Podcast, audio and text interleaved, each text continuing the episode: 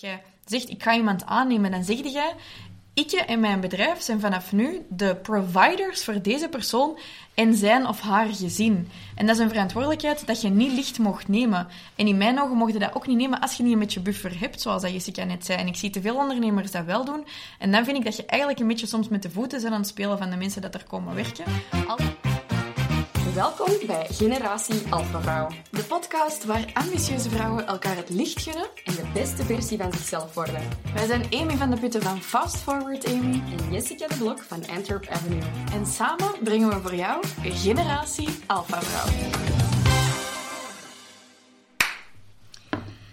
Welkom bij Generatie Alpha Vrouw. En in de vorige aflevering hebben we gehoord wat de level up was van onze Amy in de laatste zes maanden. En dat is eigenlijk best wel een gewichtige aflevering geworden.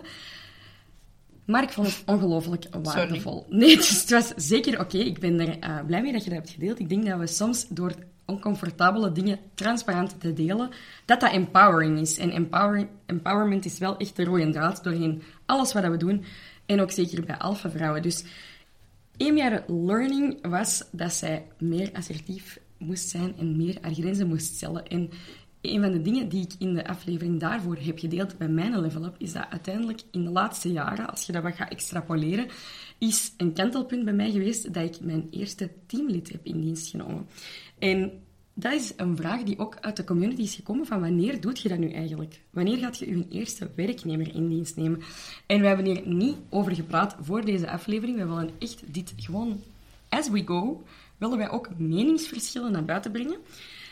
Want Amy is er zeker van dat we daar een meningsverschil over hebben. Ik weet totaal niet wat uw mening daarover is, dus ik ben super benieuwd. Maar ik denk wel dat het heel belangrijk is en ook empowering om daar het gesprek even over open te trekken. Want ik zou er heel graag meer over geweten hebben voor ik eraan begon. En niet vanuit een sad way. Ik wil dat zeker niet sad zeggen, maar eerder in een positieve, empowering manier. Dat dat wel echt een groot kantelpunt is geweest. Dus... Um, en ik heb het dan vooral over mijn eerste werknemer bij Antwerp Avenue, maar we kunnen het ook hebben over de eerste werknemer ja. bij Alpha Vrouw of bij u. Of... En we hebben het dan over fulltime Een fulltime employee. Ja, ja, dus niet over met freelancers werken. Waar dat trouwens een heel groot verschil over is. Hè. In Amerika zeggen vaak mensen zo, and I employ 30 people. En dan bedoelen ze, ik werk met 30 verschillende freelancers deze, samen aan 10 dollar per uur. Dat is helemaal anders dan in het Belgische klimaat mensen fulltime in dienst nemen. Wij hebben beide in onze eigen bedrijven mensen in dienst. Ook bij Alpha Vrouwen zijn wij gezegend met een top teamlid, Selena, die hier in de hoek zit van de zaal. En met de zaal bedoel ik de studio. Appla applaus voor Selena. Dat is al het tweede applaus dat ik krijg vandaag in de opname. Zeg, Selena doet dat ook gewoon keigoed. Um, en um, dat is gewoon al wel een eerste grote verschil, denk ik. Dat, ik denk wel dat het aan te raden is om in die fases te gaan van je doet dingen alleen, begint dan met freelancers en ziet dan of dat je verder wilt naar een eerste werknemer. Ik denk dat dat een beetje niet zoals ga samenwonen voordat je trouwt. Ja, ik heb, daar, daar heb ik wel echt ja? uren van alles over te vertellen. Dus ik ga dat proberen. Ben je het ermee eens of niet? Ja, ja, ja, zeker. Zeker. um, ik maar wel dat er een groot verschil is. De, uh, het verschil is humongous. Um, zal ik even beginnen met hoe ik dat dan zie? Eigenlijk misschien even pre-werknemer, wat dat je dan doet. Als je ja. geen werknemer fulltime in dienst kunt nemen en je hebt het gevoel dat je niet altijd alles alleen moet doen, wat dat er zo'n beetje mee gepaard gaat. En ik zie dat trouwens nu, nu ik werknemers heb, zie ik dat wel een pak duidelijker dan toen ik nog geen werknemers had. Dus ik denk niet dat ik het in de juiste chronologische volgorde per se zo goed heb gedaan, maar ik heb het wel... Um, ik zou het u wel aanraden om het in de juiste volgorde te doen. Ik zie nu de level up van mensen in dienst te nemen voor zaken waar je zelf niet super goed in bent. Daar hangt een heel grote eerkwestie aan vast. Je hebt vaak een beetje een eergevoel over hier ben ik mega goed in, dit ga ik niet uitbesteden. En dingen uitbesteden lijkt een ver van je bedshow, dat lijkt een hele grote kost, dat lijkt of je alles alleen moet kunnen. Maar ik denk dat at this point heb je waarschijnlijk al wel bewezen dat je het alleen kunt en het is tijd om je iets aan iemand anders door te geven. Wat mijn grootste learning is geweest, dus pre-werknemer, is dat je je werk kunt compartimentaliseren. Je kunt dat in kleine blokjes of zo wagonnetjes van een trein bekijken. En ik doe dat, bezie dat soms van A, B, C, D, E, F, G. En je hoeft niet de A tot Z per se, ik was maar aan G geraakt, maar de A tot Z hoef je niet per se uit te besteden. Je kunt ook de A tot B uitbesteden, de B tot C eh, zelf doen, de C tot D weer uitbesteden enzovoort. En je kunt zeggen, ik doe de A tot G zelf, dan het middenste stuk doe, geef ik aan iemand anders, of aan een team, of aan een agency. En de, de, het nakijken bijvoorbeeld, of het inplannen, doe ik zelf. En als jij je werk binnen taken gaat beginnen beschouwen als kleine compartimentjes of kleine wagonnetjes of kleine bouwblokjes, dan gaat je beginnen begrijpen dat niet een taak gelijk social media volledig uitbesteed moet worden. Het kan zijn dat jij zegt, oké, ik maak hier een podcast en iemand anders maakt daarvan de tekst en dan ga ik daarvan van die tekst weer captions schrijven en van die captions worden dan weer visuals gemaakt. Dat kan weer door iemand anders gebeuren. Als je dat begint te bekijken als kleine onderdeeltjes, kunt je ook makkelijker, beseft je ook makkelijker wat je kunt uitbesteden. Heel goed voorbeeldje daarvan, om dat even op een super praktische manier uit te leggen, want dit zou echt al voor heel veel mensen heel veel oplossen. Ik heb bij... Ba, ik, ik heb bavarwa gegeten. ik heb bijvoorbeeld gisteren allemaal beelden gemaakt van mijn dag. Ik heb die in een mapje gestoken en ik heb aan iemand van mijn team gevraagd vannacht, ik wilde jij dat nu editen naar een vlog? Ik zal daarna iets verzinnen om erover te zeggen. Maak dat chronologisch. En dat heeft mij een half uur à een uur van mijn tijd bespaard.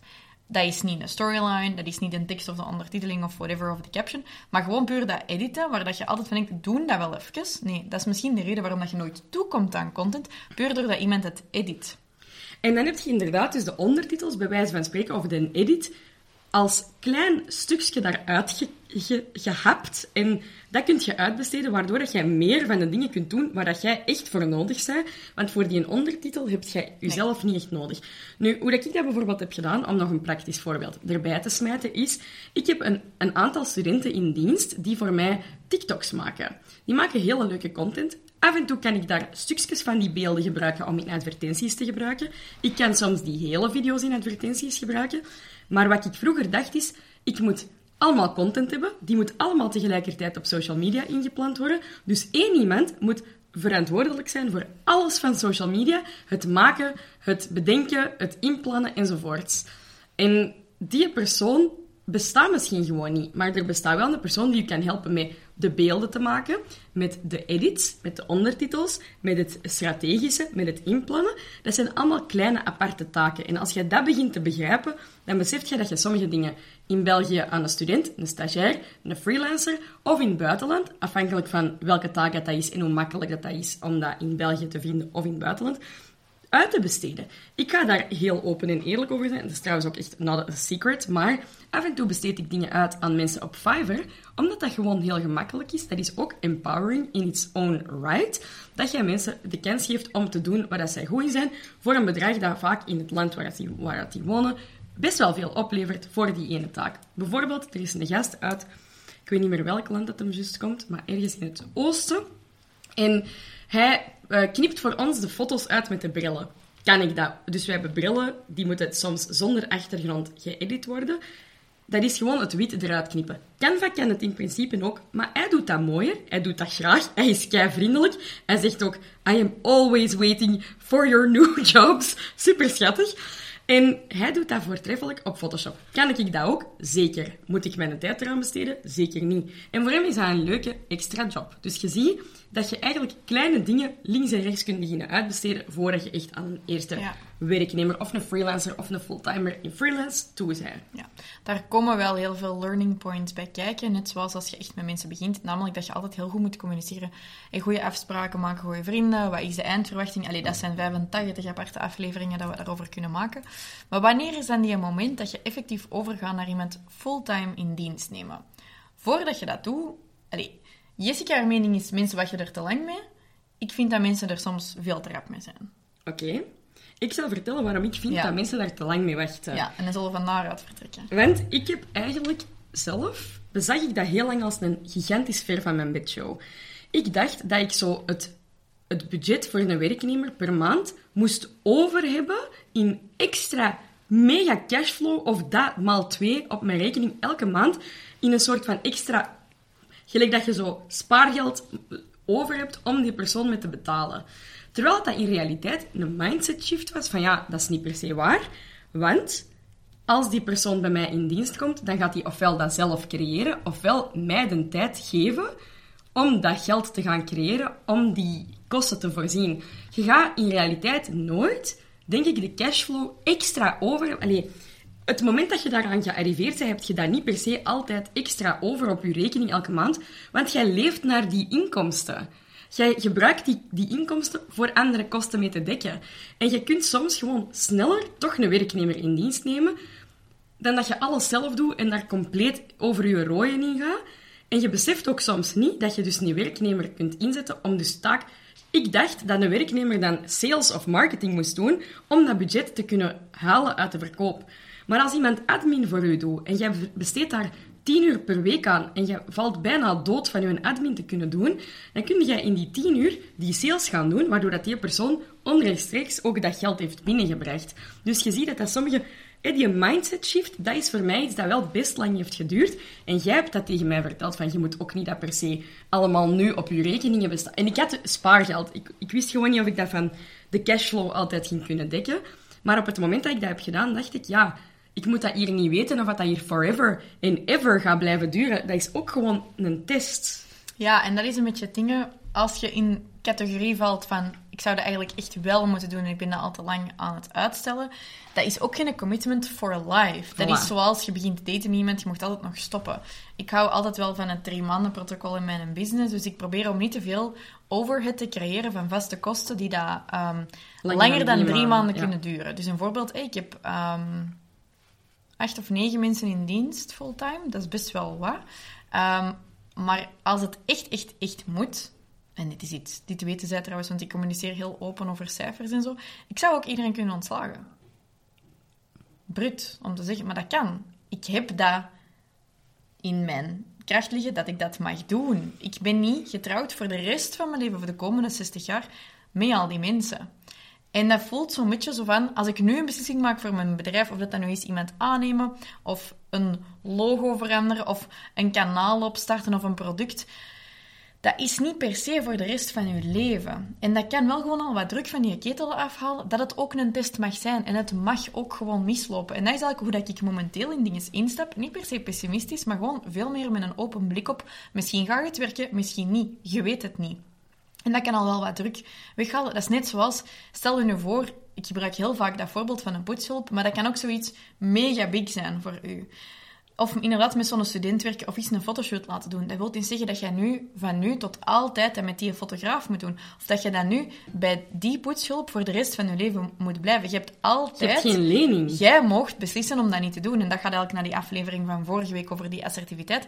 You are always in the driver's seat. Dus je kunt je committen aan iets voor een bepaalde periode en herevalueren of dat, dat gaat of niet. Het enige wat je dan nodig hebt voor jezelf is het vertrouwen dat als het niet goed is, dat je het ook zult gaan veranderen. Dus ik heb dat ook gedaan met mijn eerste freelancer. Iedereen zei, dat is geen goed idee. Ik heb die persoon toen aangenomen voor 10 uur per week, omdat ik wist, dat gaat mij helpen om mij te committen aan wat ik moet doen. En ik spendeer veel te veel tijd in mijn systemen, terwijl ik dat eigenlijk zou kunnen gebruiken voor marketing, sales en cursuscreatie en mensen effectief gaan coachen vooral. En ik wist dat gaat dat vrijmaken. Doordat dat vrijkomt, ga ik een level op kunnen doen. En dat was zo dat sprongetje dat je dan kunt maken. Soms is het wel dat je gewoon te veel werk hebt en dat het tijd wordt om een stukje van dat werk uit te besteden. Maar het kan vooral zien dat je zegt van, ik zie het liggen wat ik zou kunnen doen, maar ik kan het niet doen omdat ik iemand nodig heb om het stukje maintenance van mijn bedrijf te doen. Voilà. Wat dan wel... Dus wacht, hè. dus jij zegt, was goed, goede test, en zo er eigenlijk ingerold en gezien van, dat helpt wel. En zo gezien, dat, dat eigenlijk... Ik heb geen dag terug allee, achterom gekeken vanaf toen. Ik ben heel blij maar ik zou niet meer terug kunnen naar geen team. Ik ben daar super blij mee. Is dat altijd fantastisch gelopen? Niet per se. Maar het is wel zo dat dat wel heel veel heeft dat is echt vooral een mindset shift geweest. En ik denk het feit dat ik nu veel meer in mijn eigen zone of genius mag werken en binnen mijn human design, waar, we trouwens, waar ik ook trouwens nog duizend dingen over te zeggen heb, maar ik ben manifester van human design en dat wil zeggen dat ik ook niet altijd al het uitvoerende werk zelf moet doen. Maar ik heb dat wel zes jaar, vijf, vijf zes jaar gedaan. En het is niet per se de bedoeling voor mij. En ik voel dat ook. Ik was continu overwerkt. Ik was continu oververmoeid. En nu ben ik niet oververmoeid. Ik ben soms, ben, soms push ik mijn eigen nog te hard, maar ik doe dat zelf. En vroeger moest het gewoon, omdat ik anders nergens kon raken. En dat is het ding dat ik wel echt heel blij ben dat ik toen die keuze heb gemaakt en dat dat ook geen, geen seconde te vroeg kwam. Ja. Bieboep, bieboep. Onderbreking. nee, even serieus. Ik ben hier inderdaad om even heel kort uw aflevering te onderbreken. Sorry daarvoor. Het gaat niet te lang duren. Maar uh, ik wou gewoon even zeggen dat de podcast is heel leuk, maar wist je ook dat wij elke week een nieuwe aflevering uitbrengen, maar dat wij bovenop die afleveringen ook heel veel gratis tips delen over social media? Als je momenteel zelf in een situatie zit dat je zegt, goh, ik raak nogal snel afgeleid, Um, ik weet soms niet meer zo goed naar welke kanalen ik wel en niet moet kijken. Wij zorgen er eigenlijk voor dat je aan de hand van onze nieuwsbrief elke week de beste tips en tricks krijgt, maar ook de nieuwste updates over de Generatie Alpha Vrouw podcast. Wilt je daar updates over? Vergeet u dan zeker niet te subscriben op de podcast. Klikt gewoon op follow of download of subscribe. Ik weet niet wat al die knoppen zijn. En dan krijg je automatisch elke week een melding van de nieuwe podcast. En als je gaat naar alphavrouwen.com slash nieuwsbrief en je schrijft u daarop in, krijg je ook elke week een nieuwsbrief aan met de nieuwste aflevering en de nieuwste tips, tricks en tools voor je socials. Ja, ik denk dat het gewoon zo. Ehm, bij mij is het tweedelig. De reden dat ik zeg, ik vind dat sommige mensen het te vroeg doen, vertrekt eigenlijk vanuit dat ik vind dat vaak mensen gewoon nog niet goed genoeg weten wat ze eigenlijk nodig hebben van iemand, waardoor dat je die mensen in een heel moeilijke positie brengt. Ik heb dat ook gedaan. Iemand aannemen omdat je denkt, deze persoon gaat alle problemen voor mij oplossen. Maar iemand kan niet gewoon heel je organisatie komen fixen. Er zijn heel veel verschillende rollen in je organisatie. En als je één iemand vindt dat dat allemaal kan komen oplossen, dan heb je een unicorn vast. Stuurt die maar door. En heel veel mensen doen dat op het moment dat ze heel overwhelmed zijn, hebben een beetje cashflow, maar net niet genoeg. Dan huren ze iemand in en dan kun je altijd zeggen, een nieuwe bezem veegt goed. In het begin gaat dat even goed en daarna shit hits the fan. Ze kunnen die, die persoon niet meer betalen, dat loopt helemaal mis, er ontstaan ruzies. Heel veel ondernemers dat ik ken, hebben echt een, een, allez, een totaal foute relatie met die persoon dat er ooit als eerste is beginnen werken, omdat je eigenlijk in iets belandt dat je niet kent. Want dat is heel anders dan met freelancers werken. Met freelancers doe je geen evaluatiegesprekken halfjaarlijks of whatever. Die moet je geen loonsopslag geven. Daar moet je niet herhaaldelijk op fouten blijven wijzen. Die moet je niet helpen door goede dagen, slechte dagen, persoonlijk... Allee, als je een werkgever bent fulltime is dat er allemaal wel. Dus wat ik vind is dat je er wel van bewust moet, van moet zijn dat als je die commitment aangaat van iemand aan te nemen, dat je beseft dat je gaat van zelfstandige of ondernemer naar ook effectief iemand zijn een baas en manager. In de meeste gevallen, ik ben dat ook nog steeds. Ik zou liever het dagdagelijkse management niet doen. To be honest, ook al ken ik dat wel. En ik heb trouwens echt een heel goed team die enorm gemotiveerd zijn allemaal. Maar um, dit komt heel de dingen over. Maar wat ik eigenlijk bedoel is, in Amerika zijn mensen zo heel inwisselbaar. En ah, we starten, we zeggen op en iedereen heeft drie verschillende jobs tegelijkertijd. Maar in België, als jij zegt, ik ga iemand aannemen, dan zeg jij, ik en mijn bedrijf zijn vanaf nu de providers voor deze persoon en zijn of haar gezin. En dat is een verantwoordelijkheid dat je niet licht mocht nemen. En in mijn ogen mocht je dat ook niet nemen als je niet een beetje buffer hebt, zoals dat Jessica net zei. En ik zie te veel ondernemers dat wel doen. En dan vind ik dat je eigenlijk een beetje soms met de voeten bent aan het spelen van de mensen dat er komen werken. Als ook leg je die onmogelijke verwachtingen op. Dus je moet wel een klein beetje even inward kijken voordat je dat doet en heel goed weten wat dat je wil dat die persoon gaat doen.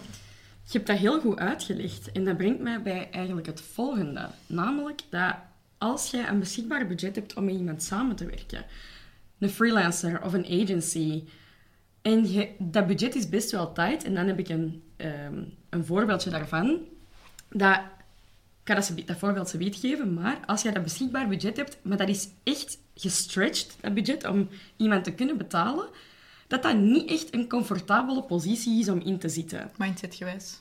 Omdat jij sowieso op die persoon te veel projectie. Je gaat veel te veel leggen bij die persoon. En die persoon kan niet alles oplossen. Want jij gaat blind met één iemand samenwerken, bijvoorbeeld een social media manager, en jij denkt dat die je verkoopsproblemen gaat oplossen, je organisatie gaat oplossen, en alle social media en alle copy en alle visuals allemaal zelf gaat doen. En je gaat ik kan je garanderen dat je teleurgesteld gaat zijn in die persoon als je budget te tight zit. Eigenlijk zou je dat budget bij wijze van spreken ruim moeten hebben, of je gaat onder je budget moeten werken om dus een ruimte te creëren, zodat je niet te veel druk op die persoon legt. Want als die persoon al je beschikbaar budget inneemt, maar die doen, voor een andere klant is dat budget verwaarloosbaar, gaan die niet anders opereren. Maar voor u gaat er veel meer druk hangen en liggen bij die persoon. Ehm, dus ik zou u willen aanraden om gewoon te zien dat je jezelf niet op je tentvlees zet om een freelancer te kunnen betalen. Ja, Absoluut. En ik denk dat de twee grootste voordelen... Want we gaan niet zeggen, ja, je moet nu starten of niet. Er is geen echt regeltje voor. Maar ik denk wel goed weten waar dat gaan begint. En twee zaken waar dat ik heel graag rekening mee houd, of als ik het opnieuw zou doen, hoe dat ik het zou doen, is het voordeel is, je gaat een commitment aan. En dat wil ook zeggen, voor mij was dat echt een hack om mij aan mijn timeline te houden. Als ik zei, we gaan dat dan doen, dan moest ik dat wel dan doen. En tot op het punt dat ik met anderen begon samen te werken, had ik als hele creatieve chaot er nog wel eens een handje van weg om zo dingen niet te doen of uit te stellen. Dus dat vond ik wel goed. Um, maar hetgeen dat wel heel belangrijk is dat je doet, is dat als je iemand aanneemt, dat het is om zelf meer in je zone of genius te gaan werken en niet minder. En dit is wat de meeste ondernemers doen als ze iemand aannemen. Dan gaan ze eigenlijk heel vaak heel veel leuke taken aan die persoon geven en zelf minder en minder van hetgeen doen dat net hun special skill is. Je gaat vaak net de dingen uitbesteden die al goed gaan of die jij goed kunt, waardoor, je, waardoor dat je zelf overblijft met de shitshow waarvan dat je denkt dat iemand anders het niet wil delen. Dus let daar gewoon mee op. Ken je zelf heel goed, ken je bedrijf goed. Wat is de 20% van de activiteit in je bedrijf dat de 80% oplevert? Zie dat je dat niet loslaat. En als je begint met een eerste persoon aan te nemen, heb je de keuze, gaat je eerder een generalist aannemen om zo met alles te helpen? Of gaat je iemand aannemen om bijvoorbeeld een stukje van de maintenance over te nemen, het equivalent van de pakketjes maken en naar de post doen, iets dat echt wel zonder u kan, of de podcast editen, maar het niet per se opnemen. Zo een paar zaken, dat zijn totaal andere rollen trouwens, maar gaat die persoon u helpen met iets te over te nemen dat er al is? Of gaat je met een strategische persoon samenwerken voor uw groei? In de meeste gevallen heb je eerst iemand nodig om je te helpen bij het operationele, het ondersteunen zodat er tijd bij u vrijkomt. En pas daarna gaat er ruimte vrijkomen om aan de strategische zaken te werken. Dat is een beetje wat ik als mijn, ja, ja, een specialist. absoluut. Dus eerst een generalist en dan een specialist. Ja, inderdaad. Agree. Ja. In tussentijd is er tijdens deze aflevering, dat kun je niet zien, uh, even van alles gebeurd. Mijn hart is nog altijd aan het kloppen. Er werd op de deur geklopt, ineens was er van alles buiten bezig. We hebben dat even geknipt, maar ik ben helemaal ik vind dat we dat wel goed hebben... Heb je het gemerkt? Heb je het gemerkt? Ik ben heel benieuwd. Ja, je kunt het gaan zien. Um, in elk geval, ja, ik denk... Wat het er wel belangrijk is, dat je let op je kosten. Uh, dat je weet wat je zelf gaat doen. Dat je echt een goede onboarding doet. Je kunt echt niet verwachten dat mensen bij je komen werken en ineens helemaal alles snappen en zo. En je mocht ook echt niet in de positie komen dat je loodrecht tegenover elkaar komt te staan. Want die persoon die bij je komt werken, gaat zich mee in uw bedrijf zetten om achter uw droom te werken. En dat is eigenlijk echt heel speciaal. Maar ik ben heel lang in het begin heel hard in mijn ego geweest daarin. En dat was helemaal fout. Ik heb heel veel van mijn ego moeten loslaten. Leren een teammanager was echt wel een van de moeilijkste dingen dat ik in heel mijn leven heb gedaan. Dus zie wel dat je daar wat ondersteuning in hebt. Um, ik wil je zeker niet meer angst en dat aanjagen. Je die, dat je die rol gewoon heel serieus ja, neemt. zie dat je gewoon wel weet, dit is niet zoals even een freelancer inhuren om even een projectje te doen. You're now someone's boss and that means that you have a lot of responsibility. Oké. En bij deze sluiten we de aflevering af. Wat willen we nog meegeven? Ze biedt een knuffeltje na deze chaos van daarnet. Wat willen we nog meegeven? Wat willen we... Ja, dat het wel top is. Ik bedoel, ik zou mijn missie niet kunnen uitdragen naar de wereld, bij Alpha Vrouwen niet, bij de Business Diet niet, bij Fast Forward niet, als ik niet een team had dat mijn zwaktes kon opvullen, dat dingen kon doen voor de community die ik zelf niet kon. Dus I also wouldn't want to go back. Maar je moet wel heel goed zien waar dat die mentale grens is tussen die financiële druk en die mentale vrijheid dat er uh, vrijkomt. Alright. Heb je nood aan ondersteuning met zo'n vragen, zoals dat wij net, waar wij even onze two cents over hebben gegeven, dan kun je die vinden, die ondersteuning bij Alpha Vrouwen in de Facebookgroep. We zijn daarmee echt superveel. Dus ga zeker eens een kijkje nemen in de groep. Het is gratis. Je krijgt gratis ondersteuning. Je kunt met raad en daad bijgestaan worden door mensen zoals jij. Dus ga dan naar alphavrouwen.com slash Facebookgroep. En ik denk dat we vanaf de volgende aflevering met de guests terug beginnen. Klopt dat? Ja, stay tuned. Vanaf 31 mei is het, ja, komt de eerste aflevering met onze allereerste gast van het brand new season van Generatie Alpha Vrouw online. Dus tot dan. Stay tuned en dank u om te luisteren. Bedankt om te luisteren naar een nieuwe aflevering van Generatie Alpha Vrouw. Kom ons volgen op Instagram op Jessica de Blok, FastForwardAmy en Alpha Vrouwen. Je kan ons ook op Facebook vinden. We hebben je er graag bij. Tot volgende keer.